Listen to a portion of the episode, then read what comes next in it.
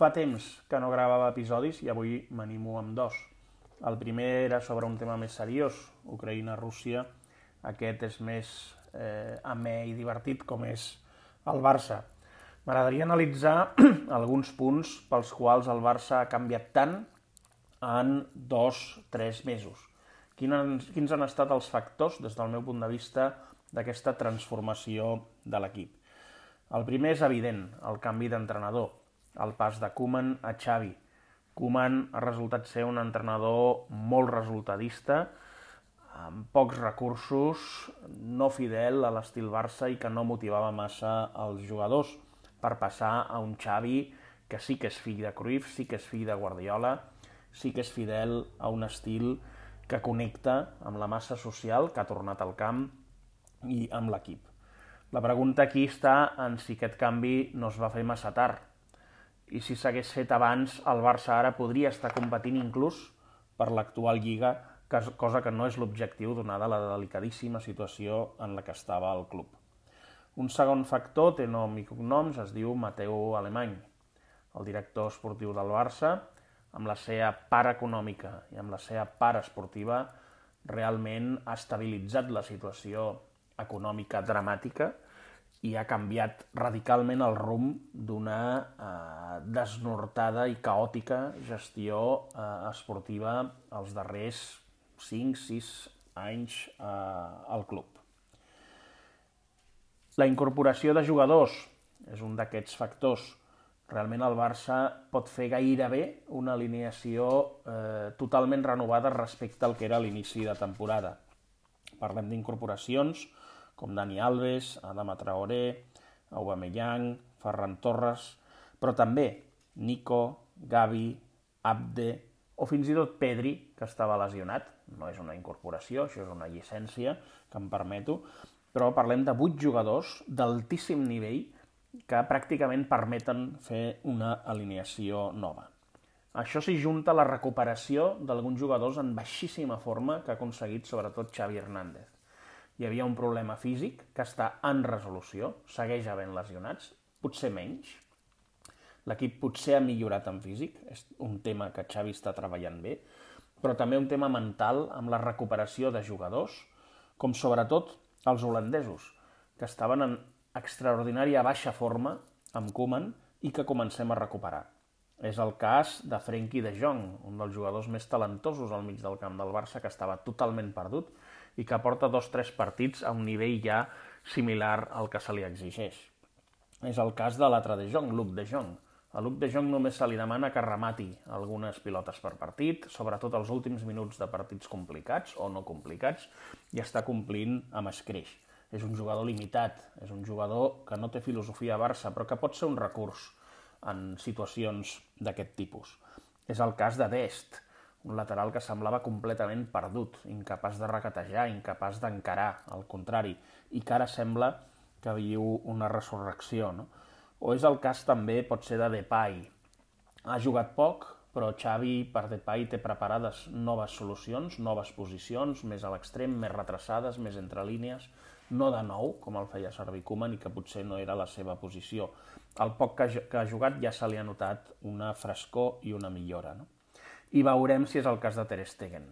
Eh, Ter Stegen realment està molt perdut, és de tots aquests qui segueix més perdut, a un nivell molt baix, fora de nivell Barça, genera una inseguretat en defensa molt gran. Eh, eh, el darrer partit va complir eh, mantenint la porteria a zero, veurem si això té continuïtat. Un altre factor, evidentment, és l'estil de joc. Amb Koeman no sabíem ben bé a què jugàvem, amb Xavi es veu clarament l'estil Guardiola, de la pressió avançada, de la intensitat, del toc de pilota, del tiki-taka, i això s'ha notat i s'està començant a implementar no ja amb èxit, sinó amb molt èxit. Els darrers tres partits amb quatre gols, quan aquest equip, recordem, fa uns mesos era incapaç de fer un gol. Un altre factor és la velocitat. La velocitat tant de circulació de la pilota com de, dels propis jugadors, en els moviments dels propis jugadors. El Barça és un equip més ràpid i, per tant, més imprevisible. Un altre és l'actitud. Acompanyant a la velocitat i a la millora física hi ha una millora d'actitud. El jugador està més implicat, corre més, lluita més, disfruta també més i no s'esgota tan ràpid. Els equips de Koeman al minut 20, quan el públic deixava d'animar, al Camp Nou s'acabaven. Aquí no. Aquí els equips segueixen durant els 90 minuts, òbviament amb pujades i baixades, l'equip hi és. I hi és amb velocitat, hi és amb pressió, hi és amb actitud, i és amb, amb, amb, joc, amb joc de pilota, amb toc, amb tiki-taka, el que es coneix com a tiki-taka. No? Tot això ens permet dir que ara sí que el Barça està en construcció, fins i tot avançada, en pocs mesos, d'un equip. Amb Koeman la pregunta era si estàvem en un altre any perdut o en construcció. Segurament era un any perdut. Ara amb Xavi, només amb tres mesos, estem clarament i en fase avançada de construcció d'un equip competitiu per l'any que ve. Què li faltaria al Barça per ser l'any que ve un equip competitiu i que aspiri a tot? Amb la base actual de jugadors, sobretot de la Masia.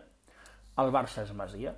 Els jugadors de la Masia han demostrat una preparació, unes característiques futbolístiques superiors als que han vingut de fora, i això no pot ser mai.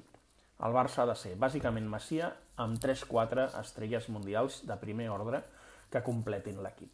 No pot ser que els que vinguin de fora tinguin qualitat inferior als de la Masia, que és més o menys el que ha passat aquest any. Eh, per tant, Masia, els Gavis, Abdes, Pedris, Pedri no és Masia, eh, però és perfectament assimilable, junt amb els Araujos, etc., ha de ser la base de l'equip. Les estrelles mundials, probablement algun dels que ja ara es poden quedar, eh? però el Barça ha d'aspirar a un Haaland. Al Barça li falta un nou clar. Per què no Haaland? Haaland és una bèstia, un, un jugador d'època, amb unes característiques físiques i una, una facilitat pel gol, podríem dir mai vistes. I ha de ser pel Barça.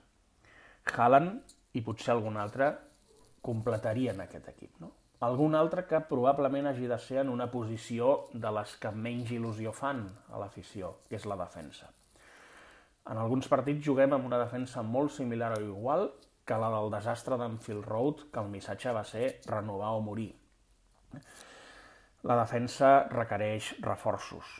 I aquí probablement s'haurà de fer una reflexió amb el que són les vaques sagrades de l'equip, aquests jugadors que ens han portat a tants èxits, però que ha costat de renovar aquesta espina dorsal, cosa que ha fet que el Barça patís i hagués de fer aquesta disrupció de a Xavi aquest any a mitja temporada. No?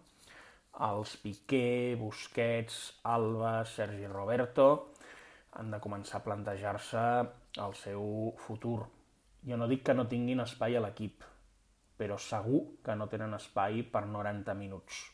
Segur que no, no tenen i no han de tenir espai per permetre rodar a altres jugadors a jugar 90 minuts cada partit.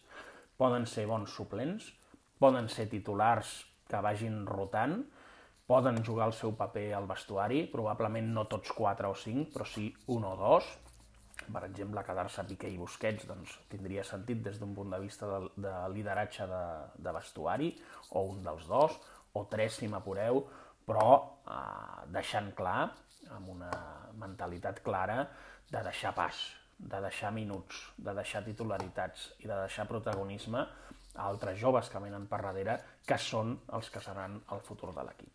Amb aquestes coses, la incorporació d'una o dues estrelles mundials, Haaland, potser, i potser algun defensa, un o dos amb defensa, i una reflexió al voltant de les vaques sagrades, consolidant aquest equip, el Barça l'any que ve pot competir a tot.